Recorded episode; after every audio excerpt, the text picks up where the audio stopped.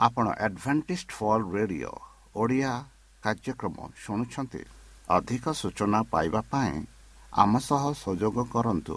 ଏକ ଆଠ ଶୂନ୍ୟ ଶୂନ୍ୟ ଆଠ ତିନି ତିନି ଦୁଇ ଦୁଇ ତିନି ଏକ କିମ୍ବା Bible at the rate of A W R dot O R G ଏହା Adventist World Radio Voice of Hope ଜୀବନ ଧାରା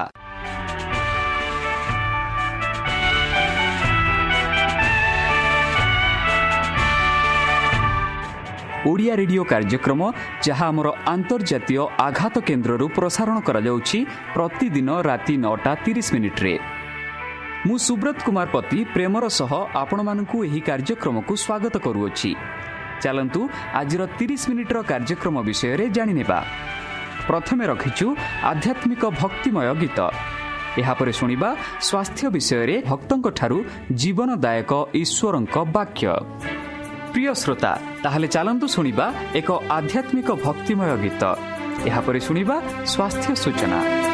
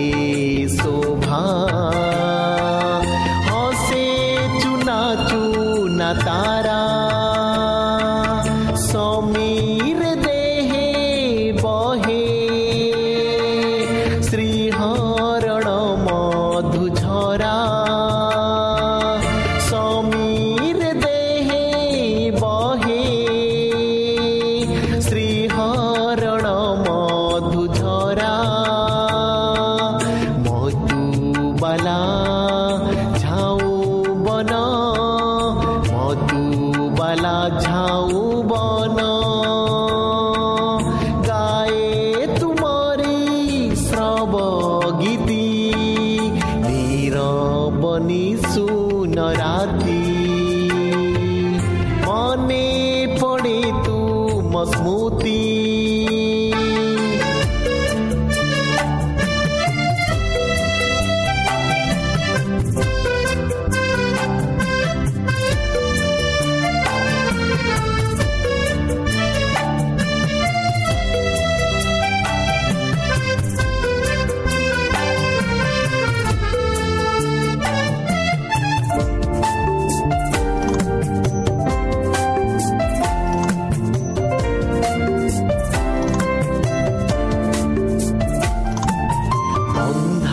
मारो ये धो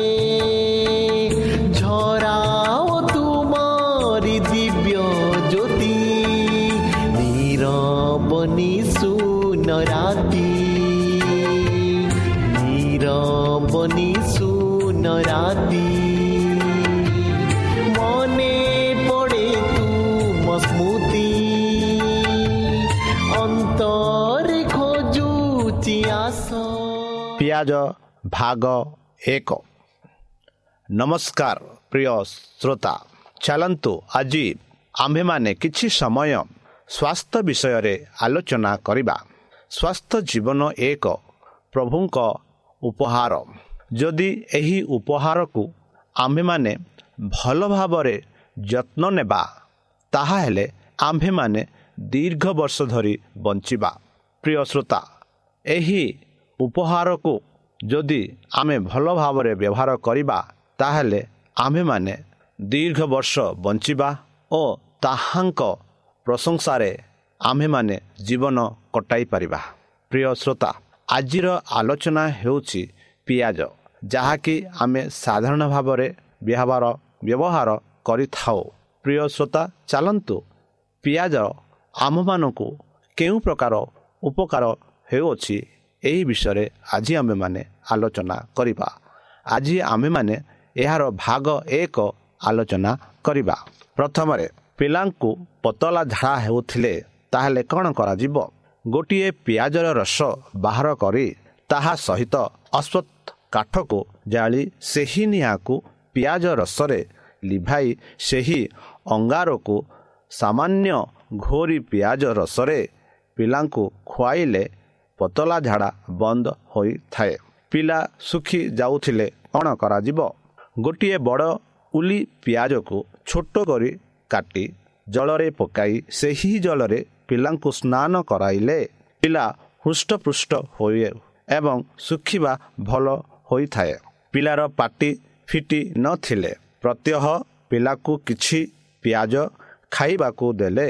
ପିଲାର ପାଟି ଫିଟି ପିଲା ହୃଷ୍ଟପୃଷ୍ଟ ହୋଇଥାଏ। କାନ ଟାଣିଲେ କ'ଣ କରାଯିବ? ଗୋଟିଏ ଦେଶୀ ପିଆଜକୁ ସେଛି ତାହାର ରସକୁ କନାରେ ଛାଣି ଟାଣୁଥିବା କାନରେ ଠୋପାଏ। ଦୁଇ ଠୋପା ପକାଇଲେ କାନ ଟଣା ବନ୍ଦ ହୁଏ। ଶୀତଦିନ ପାଇଁ ଏହି ରସକୁ ଉଷୁମ କରିବାକୁ ପଡ଼ିବ। କାନରେ ପୂଜ ହେଉଥିଲେ କ'ଣ କରାଯିବ? ପ୍ରଥମେ ତୁଲା ଦ୍ୱାରା କାନକୁ ଭଲ ଭାବେ ପରିଷ୍କାର କରିନେବ ଦେଶୀ ପିଆଜ ରସକୁ କାନରେ ଦୁଇ ଠୋପା ପକାଇ ତୁଳା ଦେଇ କାନକୁ ବନ୍ଦ କରିଦେବ। ପୁନରାୟ ଏହିପରି କରିବ ଦୁଇ ବା ତିନି ଦିନ। ଏହିପରି ଦିନରେ ଦୁଇଥର କରିଲେ ପୁରାତନ କାନପଟା ଭଲ ହୋଇଥାଏ। ଆମ୍ଭ ଦୋଷ ଝାଡ଼ା। ଦୁଇ ବା ତିନି ଦିନ କଞ୍ଚା ପିଆଜକୁ ଚୋବାଇ ଖାଇଲେ ଲାଲ ସହିତ ଝାଡ଼ା ବନ୍ଦ ହୋଇଥାଏ। ଆଖି ନାଲି ପଡ଼ିଥିଲେ। ସଦ୍ୟ ପିଆଜ ରସକୁ କନାରେ ଛାଣି। ଗୋଟିଏ ବୁନ୍ଦା ଆଖିରେ ପକାଇଲେ ଆଖିରୁ ଲାଲ ଅଂଶ ଛାଡ଼ି ଯାଇଥାଏ। ପେଟ ପମ୍ପୁଥିଲେ। ସମ ପରିମାଣରେ ମହୁ ଅଦା ରସ ପିଆଜର ରସକୁ ମିଶାଇ ତିନି ଚାମଚ କରି ତିନି ଦିନ ସେବନ କଲେ ପେଟ ସଫା ରୋଗ ଭଲ ପେଟ ପମ୍ଫା ରୋଗ ଭଲ ହୋଇଯାଇଥାଏ। ଅଜୀର୍ଣ୍ଣ ହେଲେ। ଗୋଟିଏ ବଡ଼ ଓଲି ପିଆଜ ରସରେ ଲୁଣ ମିଶାଇ ଦିନକୁ ଦୁଇଥର କରି ଦୁଇ ଦିନ ଖାଇଲେ ନିଶ୍ଚୟ ଉପଶମ ମିଳେ ବଥ ପାଛି ପାଠିବାକୁ ପିଆଜ ରସ ହଳଦୀ ସହିତ କିଛି ଅଟା ମିଶାଇ ପାଣି ସହିତ ଫେଣ୍ଟି ତେଲରେ ଗରମ କରି ବଥ ଉପରେ ବାନ୍ଧି ଦେଲେ ବଥ ପାଚି ପାଠିଯିବ ସ୍ମରଣ ଶକ୍ତି ଅଭାବ ହେଲେ କ'ଣ କରାଯିବ? ଧଳା ପିଆଜ ରସ ମହୁ ଅଦା ରସ ସମଭାଗରେ ନେଇ ସେଥିରେ ଗୁଆ ଘିଅ ସାମାନ୍ୟ ମିଶ୍ରଣ କରି ତିନି ମାସ ସେବନ କଲେ ସୁଫଳ ମିଳିଥାଏ। ପ୍ରିୟ ଶ୍ରୋତା ପିଆଜର ଉପକାର ବିଷୟରେ ଆମେ ଜାଣିଲୁ। ଯାହା ଯାହା ପିଆଜ ବିଷୟରେ ଆମ୍ଭେମାନେ ଶୁଣିଲୁ ଆଉ ଏଇ ଯେଉଁ ଟିଫଣ ଗୁଡ଼ାକ ଆମ୍ଭେମାନେ ଶୁଣିଲୁ ଯଦି ଏହି ଟିପଣ ଆପଣମାନଙ୍କ ଘରରେ ବ୍ୟବହାର ବା ଲାଭକାରକ ହେଉଅଛି ଏହା ବହୁତ ଉତ୍ତମ। ଈଶ୍ୱର ଆପଣଙ୍କୁ ଆଶୀର୍ବାଦ କରନ୍ତୁ। ଧନ୍ୟବାଦ। ଆମ ଠିକଣା Adventist Media Centre S D A Mission Compound Salisbury Park Pune ଚାରି ଏକ ଏକ ଶୂନ ତିନି ସାତ ମହାରାଷ୍ଟ୍ର ବା ଖୋଲନ୍ତୁ ଆମର ୱେବସାଇଟ୍ ଯେକୌଣସି Android phone smartphone desktop laptop କିମ୍ବା ଟ୍ୟାବ୍ଲେଟ୍ ଆମର website W W W dot A W R dot O R G slash O R I ବର୍ତ୍ତମାନ ଚାଲନ୍ତୁ ଶୁଣିବା ଈଶ୍ୱରଙ୍କ ଭକ୍ତଙ୍କଠାରୁ ଈଶ୍ୱରଙ୍କ ଜୀବନଦାୟକ ବାକ୍ୟ ପଥରରେ ଲେଖାଯାଇଅଛି ଭାଗ ଦୁଇ ନମସ୍କାର ପ୍ରିୟ ଶ୍ରୋତା ସେହି ସର୍ବଶକ୍ତି ସର୍ବଜ୍ଞାନୀ ପ୍ରେମର ସାଗର ଦୟାମୟ ଅନ୍ତର୍ଜମୀ ଅନୁଗ୍ରହ ପରମ ପିତାଙ୍କ ମଧୁର ନାମରେ ମୁଁ ପାଷ୍ଟ ପୂର୍ଣ୍ଣଚନ୍ଦ୍ର ଆଉ ଥରେ ଆପଣମାନଙ୍କୁ ଏହି କାର୍ଯ୍ୟକ୍ରମରେ ସ୍ୱାଗତ କରୁଅଛି। ସେହି ସର୍ବଶକ୍ତି ପରମେଶ୍ୱର ଆପଣମାନଙ୍କୁ ଆଶୀର୍ବାଦ କରନ୍ତୁ। ଆପଣଙ୍କୁ ସମସ୍ତ ପ୍ରକାର ଦୁଃଖ କଷ୍ଟ ବାଧା କ୍ଲେଶ ଓ ରୋଗରୁ ସୁରକ୍ଷାରେ ରଖନ୍ତୁ। ତାହାଙ୍କ ପ୍ରେମ ତାହାଙ୍କ ସ୍ନେହ ତାହାଙ୍କ କୃପା ତାହାଙ୍କ ଅନୁଗ୍ରହ ସଦାସର୍ବଦା ଆପଣଙ୍କଠାରେ ସହବର୍ତ୍ତୀ ରହୁ। ପ୍ରିୟସତା ଚାଲନ୍ତୁ। ଆଜି ଆମ୍ଭେମାନେ କିଛି ସମୟ ପବିତ୍ର ଶାସ୍ତ୍ର ବାଇବଲଠୁ ତାହାଙ୍କ ଜୀବନଦାୟକ ବାକ୍ୟ ଧ୍ୟାନ କରିବା। ଆଜିର ଆଲୋଚନା ହେଉଛି ପଥରରେ ଲେଖାଯାଇଅଛି।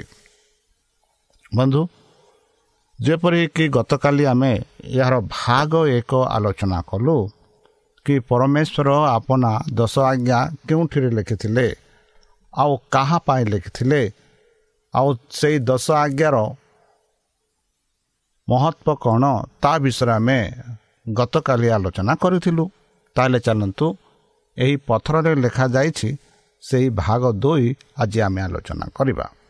ବନ୍ଧୁ ଯେଉଁମାନେ ଜାଣିଶୁଣି ଈଶ୍ୱରଙ୍କ ଆଜ୍ଞା ଭାଙ୍ଗିବା ଜାରି ରଖନ୍ତି ସେମାନଙ୍କୁ କ'ଣ ହୁଏ? କେବେ ଆପଣ ଏହି ବିଷୟରେ ଆଲୋଚନା କରିଛନ୍ତି କି? ଯଦି ଈଶ୍ୱର ଯେଉଁ ଆଜ୍ଞାମାନଙ୍କୁ ଦେଇଅଛନ୍ତି ସେହି ଆଜ୍ଞାକୁ ଯଦି ଆମେ ଉଲ୍ଲଙ୍ଘନ କରିବା ନ ମାନିବା ବା ଭାଙ୍ଗିବା ତାହାର କ'ଣ ହେବ?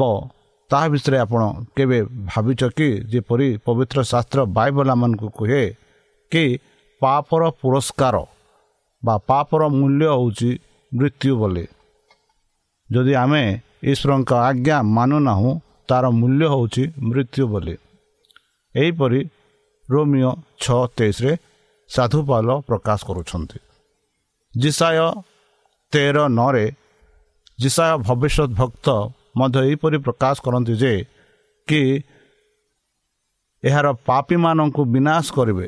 ଯେଉଁ ଦଶ ଆଜ୍ଞା ମାନନ୍ତି ନାହିଁ ବା ଆଜ୍ଞା ମାନନ୍ତି ନାହିଁ ସେମାନଙ୍କୁ ପରମେଶ୍ୱର ବିନାଶ କରିବେ ବୋଲି ଚିସାୟ ଭବିଷ୍ୟତ ଭକ୍ତା ଲେଖୁଛନ୍ତି।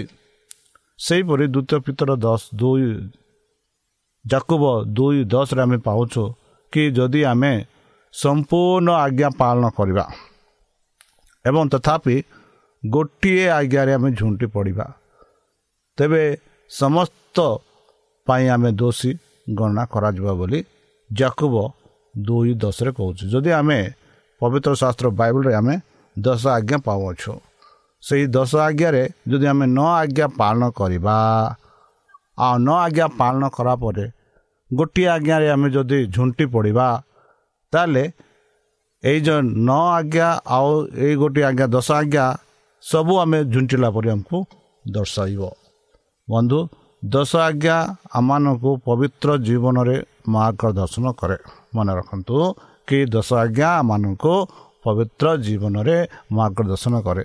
ଯଦି ଆମେ ଗୋଟିଏ ଆଜ୍ଞାକୁ ମଧ୍ୟ ଅନଦେଖା କରୁ ତେବେ ଆମେ ଈଶ୍ୱରୀୟ ସମ୍ମୁଖରେ ପାପି ଗଣନା କରାଯିବା। ଏକ ଆବଶ୍ୟକତା ଅଂଶକୁ ଅବହେଳା କରୁ।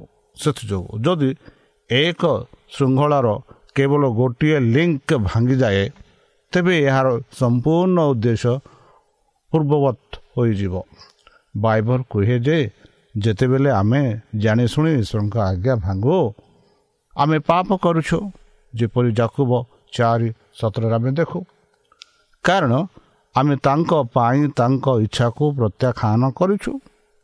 ଯେଉଁମାନେ ତାଙ୍କ ଇଚ୍ଛା କରନ୍ତି ସେମାନେ କେବଳ ସ୍ୱର୍ଗ ରାଜ୍ୟରେ ପ୍ରବେଶ କରିପାରିବେ।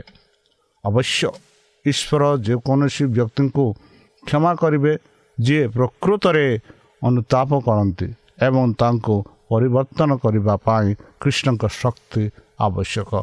କୃଷ୍ଣଙ୍କ ଶକ୍ତି ଗ୍ରହଣ କରିବାକୁ ପଡ଼ିବ। ବନ୍ଧୁ ଆଜ୍ଞା ପାଳନ କରି କେହି ଉଦ୍ଧାର ପାଇବେ କି? ଯଦି ଆପଣ ଏହିପରି ପ୍ରଶ୍ନ କରନ୍ତି ମୁଁ କହିବି ନା। ବ୍ୟବସ୍ଥାର କାର୍ଯ୍ୟ ଦ୍ୱାରା କୌଣସି ମାଂସ ତାଙ୍କ ଦୃଷ୍ଟିରେ ଧାର୍ମିକ ହେବନି ବୋଲି ରୋମିଓ ତିନି କୋଡ଼ିଏରେ ଆମେ ଦେଖୁଛୁ। ଯେହେତୁ ବ୍ୟବସ୍ଥା ପାଳନ କଲା ପରେ ଆମେ ତାଙ୍କ ସମଗ୍ର ଧାର୍ମିକ ଗଣନା କରାଯିବ ବୋଲି ଏହା କିଛି ନୁହେଁ। ମାତ୍ର ଆଜ୍ଞା ଯେ କି ଆମେ ପବିତ୍ର ଶାସ୍ତ୍ର ବାଇବଲ ବି କହୁଛି ଯୀଶୁଖ୍ରୀଷ୍ଟ କହିଲେ ଯଦି ତୁମେ ଈଶ୍ୱରଙ୍କୁ ପ୍ରେମ କରୁଛ ତାହେଲେ ତାଙ୍କ ଆଜ୍ଞା ପାଳନ କର। ପ୍ରେମ ଆଜ୍ଞା। ଯଦି ପୁଅ ଝିଅ ଆପଣଙ୍କ ପରିବାରରେ ଆପଣଙ୍କୁ ପ୍ରେମ କରୁଛନ୍ତି ତାହେଲେ ଆପଣଙ୍କର ଆଦେଶ ମାନିବେ ବା ଆଜ୍ଞା ମାନିବେ। ଯଦି ପ୍ରେମ କରୁନାହାନ୍ତି ତେବେ ଯେଉଁ ଯେଉଁ କୌଣସି ଆଜ୍ଞା ଆପଣଙ୍କ ଘରେ ଆପଣ କରିଥାନ୍ତି ସେ ଆଜ୍ଞା ପିଲାମାନେ ମାନନ୍ତି ନାହିଁ କାରଣ ସେମାନେ ପ୍ରେମ କରନ୍ତି ନାହିଁ। ସେହିପରି ଆମେ ସମସ୍ତେ ଈଶ୍ୱରଙ୍କର ସନ୍ତାନ ସନ୍ତତି। ଆଉ ଯେତେବେଳେ କି ଆମେ ଈଶ୍ୱରଙ୍କ ସନ୍ତାନ ସନ୍ତତି ତାହା ମାନେ ଆମେ ଈଶ୍ୱରଙ୍କୁ ପ୍ରେମ କରୁଛୁ। ଆଉ ଯେବେ ଆମେ ଈଶ୍ୱରକୁ ପ୍ରେମ କରୁଛୁ ତାହା ମାନେ କି ତାହାଙ୍କ ଆଜ୍ଞା ମାନିବା ଉଚିତ। ଏଥିଯୋଗୁଁ ଆଜ୍ଞା ମାନିଲା ମାନେ ଏହା ନୁହେଁ ଯେ ଈଶ୍ୱରଙ୍କ ଦୃଷ୍ଟିରେ ଆମେ ଧାର୍ମିକ। କେବଳ ତାଙ୍କ ଅନୁଗ୍ରହ ଦ୍ୱାରା ଆମ ବିଶ୍ୱାସ ଦ୍ୱାରା ଉଦ୍ଧାର ପାଇଛୁ। କିନ୍ତୁ ତୁମର ନୁହେଁ ବୋଲି ଏପିସିଓ ଦୁଇ ଆଠ ନଅରେ ଆମେ ସାଧୁ ପାଲ ଏପରି କହୁଛୁ କି କେବଳ ଈଶ୍ୱରଙ୍କ ଅନୁଗ୍ରହ ଦ୍ୱାରା ହିଁ ଆମେ ଉତ୍ତ ପରିତ୍ରାଣ ପାଇପାରିବା ଉଦ୍ଧାର ହୋଇପାରିବା। ଆଉ ଏହା ହେଉଛି ଈଶ୍ୱରଙ୍କର ଦାନ। କେବେ ହେଲେ ମନେ କରନ୍ତୁନି କି କାର୍ଯ୍ୟରେ ନୁହେଁ ଯେପରିକି ଗର୍ଭ ନ କରନ୍ତି। ଏଥିଯୋଗୁଁ ଆମେ ଦେଖୁଛୁ କି ଈଶ୍ୱରଙ୍କ ଆଜ୍ଞା ପାଳନ କଲା ମାତ୍ରେ ଆମେ ଉଦ୍ଧାର ପାଇବୁ ଏହା କିଛି ନୁହେଁ। ଉତ୍ତରଟି ଅତି ସରଳ ଅଟେ ବନ୍ଧୁ। ଆଜ୍ଞା ପାଳନ କରି କାହାର କାହାକୁ ଉଦ୍ଧାର କରାଯାଇପାରିବ ନାହିଁ।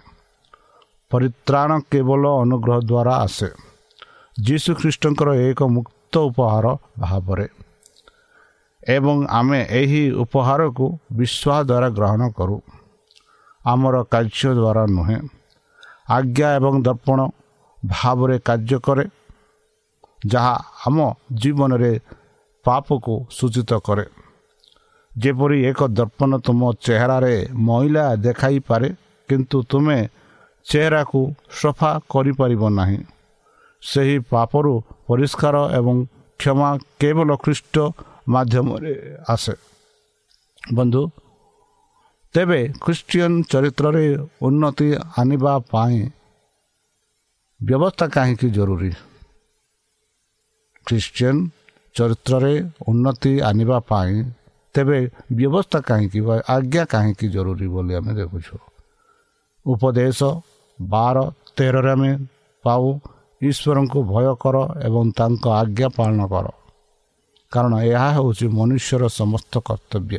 ବନ୍ଧୁ ମନୁଷ୍ୟର ସମସ୍ତ କର୍ତ୍ତବ୍ୟ କି ଈଶ୍ୱରଙ୍କୁ ଭୟ କରିବା ଆଉ ତାହାଙ୍କର ଆଜ୍ଞା ପାଳନ କରିବା। ସେହିପରି ରୋମିଓ ତିନି କୋଡ଼ିଏରେ ଆମେ ଯାହା ଦେଖାଉଛୁ କି ନିୟମ ଦ୍ୱାରା ପାପର ଜ୍ଞାନ ଅଛି। ଯଦି ଆମେ ଆଜ୍ଞା ନ ମାନୁଛୁ ଆଜ୍ଞା ଦ୍ୱାରା ହିଁ ଆମେ ପାପର ଜ୍ଞାନ ପାଉଛୁ। ଯଦି ଆଜ୍ଞା ହିଁ ଆମମାନଙ୍କୁ କହୁଛି ଏଥିଯୋଗୁଁ ଆମେ ପାପ କରିଛୁ ବୋଲି ଆମେ ଜାଣିପାରିବା ଯଦି ଆମେ ଆଜ୍ଞା ମାନୁଛୁ। ବନ୍ଧୁ କାରଣ ଖ୍ରୀଷ୍ଟିଆନ ଜୀବନଯାପନ ପାଇଁ ସମ୍ପୂର୍ଣ୍ଣ ବାଞ୍ଛା କିମ୍ବା ସମ୍ପୂର୍ଣ୍ଣ କର୍ତ୍ତବ୍ୟ ଈଶ୍ୱରଙ୍କ ଆଜ୍ଞାରେ ଅନ୍ତର୍ଭୁକ୍ତ। ଜଣେ ଛଅ ବର୍ଷ ବୟସ୍କର ପରେ ଯିଏ ନିଜର ଶାସକ ତିଆରି କଲା ନିଜକୁ ମାପ କଲା ଏବଂ ନିଜ ମାଆଙ୍କ କହିଲା ଯେ ସେ ବାର ଫୁଟ ଉଚ୍ଚ। ଆମର ମାପର ମାନ କଦାପି ସୁରକ୍ଷିତ ନୁହେଁ ବନ୍ଧୁ। ଆମେ ଆମ୍ଭେମାନେ ଜାଣିପାରିବୁ ନାହିଁ ଯେ ଆମ୍ଭେମାନେ ପାପି କି ନାହୁଁ। ଯଦି ଆମେ ସଠିକ ମାନଦଣ୍ଡ ଈଶ୍ୱରଙ୍କ ନିୟମକୁ ଭଲ ଭାବରେ ଦେଖିବା ତେବେ ଅନେକ ଭାବନ୍ତି ଯେ ଭଲ କାର୍ଯ୍ୟ କରିବା ଦ୍ୱାରା ସେମାନେ ପରିତ୍ରାଣ ଗ୍ୟାରେଣ୍ଟି ଦିଅନ୍ତି। ଯଦି ସେମାନେ ଆଜ୍ଞା ପାଳନ ନ କରନ୍ତି ଅନଦେଖା କରନ୍ତି ତେବେ ସେମାନେ କେବେ ହେଲେ ସ୍ୱର୍ଗରାଜ୍ୟକୁ ପ୍ରବେଶ କରିବେନି ଆଉ ପ୍ରଭୁ ସେମାନଙ୍କୁ ଧାର୍ମିକ ରୂପେ ଗଣନା କରିବେନି। ତେଣୁ ସେମାନେ ଭାବନ୍ତି ଯେ ସେମାନେ ଧାର୍ମିକ ଏବଂ ପରିତ୍ରାଣ ପାଇଲେ। ଯେତେବେଳେ ପ୍ରକୃତରେ ସେମାନେ ପାପି ଏବଂ ହଜି ଯାଇଛନ୍ତି ଏହାଦ୍ୱାରା ଆମେମାନେ ଜାଣୁ ଯେ ଆମେମାନେ ତାଙ୍କ ଆଜ୍ଞା ପାଳନ କରିବା। ଏହିପରି ପ୍ରଥମ ଜନ ଦୁଇ ତିନିରେ ଆମେ ଦେଖୁଅଛୁ। ବନ୍ଧୁ କ'ଣ ପ୍ରକୃତରେ ରୂପାନ୍ତରିତ ଖ୍ରୀଷ୍ଟିଆନକୁ ଈଶ୍ୱରଙ୍କ ନିୟମର ବା ଆଜ୍ଞାର ଆଦର୍ଶ ଅନୁସରଣ କରିବାକୁ ସକ୍ଷମ କରେ? ଫିଲିପିଓ ଚାରି ତେର ଏଭ୍ରି ଆଠ ଦଶ ଆଉ ରୋମିଓ ଆଠ ତିନି ଚାରିରେ ଆମେ ଦେଖୁଛୁ ସାଧୁପାଲ କହନ୍ତି ଏଭ୍ରି ଆଠ ଦଶରେ ମୁଁ ମୋର ଆଜ୍ଞା ଗୁଡ଼ିକ ସେମାନଙ୍କ ମନରେ ରଖିବି ଏବଂ ସେମାନଙ୍କ ହୃଦୟରେ ଲେଖିବି ବୋଲି ସଦାପ୍ରଭୁ ପରମେଶ୍ୱର କହନ୍ତି। ମୋର ଆଜ୍ଞା ତାଙ୍କ ମନରେ ରଖିବି ଆଉ ସେମାନଙ୍କୁ ହୃଦୟରେ ଲେଖିବି ବୋଲି କହନ୍ତି ପରମେଶ୍ୱର। ଆଉ ସେହିପରି ଫିଲିପିଓ ଚାରି ତେରରେ ଆମେ ଦେଖୁ ମୁଁ ଖ୍ରୀଷ୍ଟଙ୍କ ମାଧ୍ୟମରେ ସମସ୍ତ କାର୍ଯ୍ୟ କରିପାରିବି କି ଖ୍ରୀଷ୍ଟଙ୍କ ସହ ଖ୍ରୀଷ୍ଟଙ୍କ ମାଧ୍ୟମରେ ମୁଁ ସମସ୍ତ କାର୍ଯ୍ୟ କରିପାରିବି। ଯେହେତୁ ସେ ଖ୍ରୀଷ୍ଟ ହିଁ ମୋତେ ଶକ୍ତି ପ୍ରଦାନ କରନ୍ତି। ଈଶ୍ୱର ନିଜ ପୁତ୍ରଙ୍କୁ ପଠାଇ ଏପରି କଲେ ଯେପରି ଆଜ୍ଞା ଧାର୍ମିକ ଆବଶ୍ୟକତା ଆମ ଭିତରେ ପୂରଣ ହେବ। ବନ୍ଧୁ ଈଶ୍ୱର ଜଗତକୁ ଆପଣା ଏକମାତ୍ର ପୁତ୍ରକୁ ପଠାଇଲେ ଯେପରିକି ତାଙ୍କ ଆଜ୍ଞା ଧାର୍ମିକ ଆବଶ୍ୟକତା ଆମ ଭିତରେ ପୂରଣ ହେବ ଏଥିଯୋଗୁଁ ଆମେ ଦେଖୁଅଛୁ ଯୀଶୁଖ୍ରୀଷ୍ଟ ଏହି ପୃଥିବୀକୁ ଆସିଲେ। ବନ୍ଧୁ ଖ୍ରୀଷ୍ଟ କେବଳ ଅନୁତାପ କରୁଥିବା ପାପୀମାନଙ୍କୁ କ୍ଷମା କରନ୍ତି ନାହିଁ। ସେ ମଧ୍ୟ ଈଶ୍ୱରଙ୍କ ପ୍ରତିମୂର୍ତ୍ତିକୁ ପୁନଃସ୍ଥାପନ କରନ୍ତି। ସେମାନଙ୍କର ବାସ୍ତସ୍ଥାନର ଶକ୍ତି ଦ୍ୱାରା ସେମାନଙ୍କୁ ତାଙ୍କ ଆଜ୍ଞା ସହିତ ସମାନ କରନ୍ତି। ତୁମେ ଗରିବ ନାହିଁ। ଏକ ସକତ୍ବରକ ପ୍ରତିଜ୍ଞା ହୋଇଯାଏ ଯେ ଖ୍ରୀଷ୍ଟିଆନ ଚୋରି ମିଛ ହତ୍ୟା ଇତ୍ୟାଦି ଚୋରି କରିବ ନାହିଁ। କାରଣ ଯଦି ଆମ ଭିତରେ ରୁହନ୍ତି ଏବଂ ଆମକୁ ନିୟନ୍ତ୍ରଣରେ ରଖନ୍ତି ଈଶ୍ୱର ତାଙ୍କର ନୈତିକ ଆଜ୍ଞା ପରିବର୍ତ୍ତନ କରିବେ ନାହିଁ। କିନ୍ତୁ ପାପିକୁ ପରିବର୍ତ୍ତନ କରିବା ପାଇଁ ସେ ଯୀଶୁଙ୍କ ମାଧ୍ୟମରେ ଏକ ବ୍ୟବସ୍ଥା କରିଛନ୍ତି ଯାହାଦ୍ୱାରା ଆମେ ସେହି ନିୟମକୁ ମାପିବା। ବନ୍ଧୁ ଜଣେ ଖ୍ରୀଷ୍ଟିଆନ ଯାହାର ବିଶ୍ୱାସ ଅଛି ଏବଂ ଅନୁଗ୍ରହରେ ଜୀବନଯାପନ କରୁଛି ସେ ଆଜ୍ଞା ପାଳନ କରିବା ପାଇଁ ମୁକ୍ତ ନୁହନ୍ତି।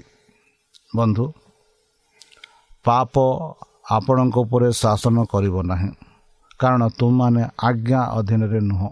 ବରଂ ଅନୁଗ୍ରହରେ ଅଛ। କେବେ କ'ଣ? ଆମ୍ଭେମାନେ ଆଜ୍ଞା ପାଳନ କରୁନାହୁଁ ବରଂ ଅନୁଗ୍ରହରେ ପାପ କରୁଛୁ କି ନିଶ୍ଚିତ ନୁହେଁ। ତେବେ ଆମେମାନେ ବିଶ୍ୱାସ ଦ୍ୱାରା ନିୟମକୁ ଶୂନ୍ୟ କରିଦେବା କି ନିଶ୍ଚିତ ନୁହେଁ। ଅପରପକ୍ଷେ ଆମେମାନେ ଆଜ୍ଞା ପ୍ରତିଷ୍ଠା କରୁ। ବନ୍ଧୁ ଶାସ୍ତ୍ର ଏହାର ବିପରୀତ ଶିକ୍ଷା ଦିଏ। ଅନୁଗ୍ରହ ଜଣେ ବନ୍ଦୀକୁ ରାଜ୍ୟପାଳକ କ୍ଷମା ସଦୃଶ୍ୟ। ଏହା ତାଙ୍କୁ କ୍ଷମା କରେ କିନ୍ତୁ ଏହା ତାଙ୍କୁ ଅନ୍ୟ ଆଜ୍ଞା ଭଙ୍ଗ କରିବାକୁ ସ୍ୱାଧୀନ ଦିଏ ନାହିଁ।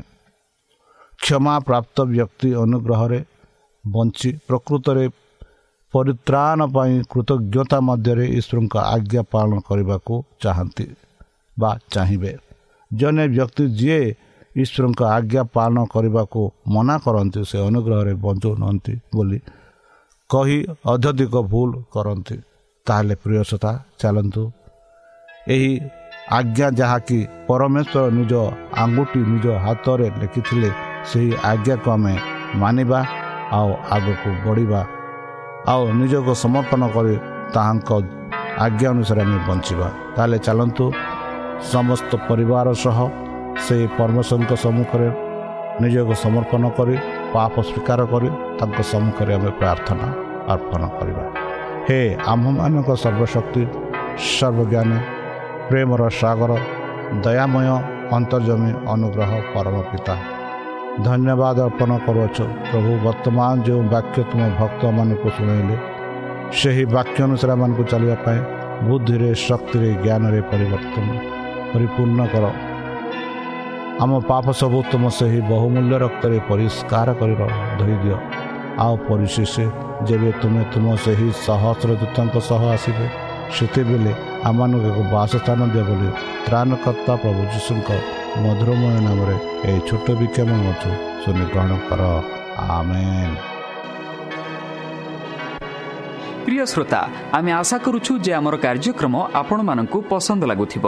ଆପଣଙ୍କର ମତାମତ ଜଣାଇବା ପାଇଁ ଆମର ଏହି ଠିକଣାରେ ଯୋଗାଯୋଗ କରନ୍ତୁ ଆମ ଠିକଣା Adventist Media Centre SDA Mission Compound Salisbury Park Pune ଚାରି ଏକ ଏକ ଶୂନ ତିନି ସାତ ମହାରାଷ୍ଟ୍ର ବା ଖୋଲନ୍ତୁ ଆମର ୱେବସାଇଟ୍ ଯେକୌଣସି Android phone smartphone desktop laptop କିମ୍ବା ଟ୍ୟାବ୍ଲେଟ୍ ଆମର website W W W dot A W R dot O R G slash O R I এবং W dot Adventist Media Centre India dot O R G Adventist Media Centre ଇଣ୍ଡିଆର spelling ହେଉଛି A D V E N T I S T M E D I A C E N T R E I N D I A ଅଥବା download କରନ୍ତୁ ଆମର mobile app ଆପଣଙ୍କର mobile play ଷ୍ଟୋରକୁ ଯାଆନ୍ତୁ ଆଉ type କରନ୍ତୁ the Voice of Hope ଆଉ download କରନ୍ତୁ ଈଶ୍ୱର ଆପଣଙ୍କୁ ଆଶୀର୍ବାଦ କରନ୍ତୁ। ଧନ୍ୟବାଦ।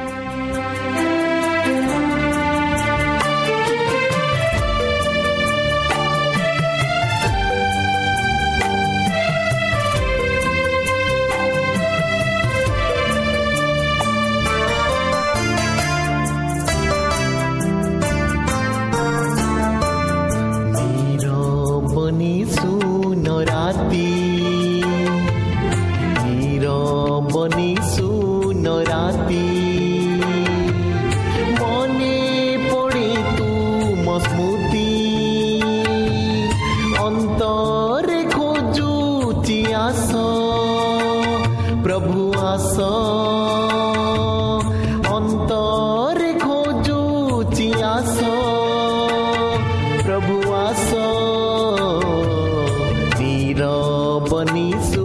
କରନ୍ତୁ ଧନ୍ୟବାଦ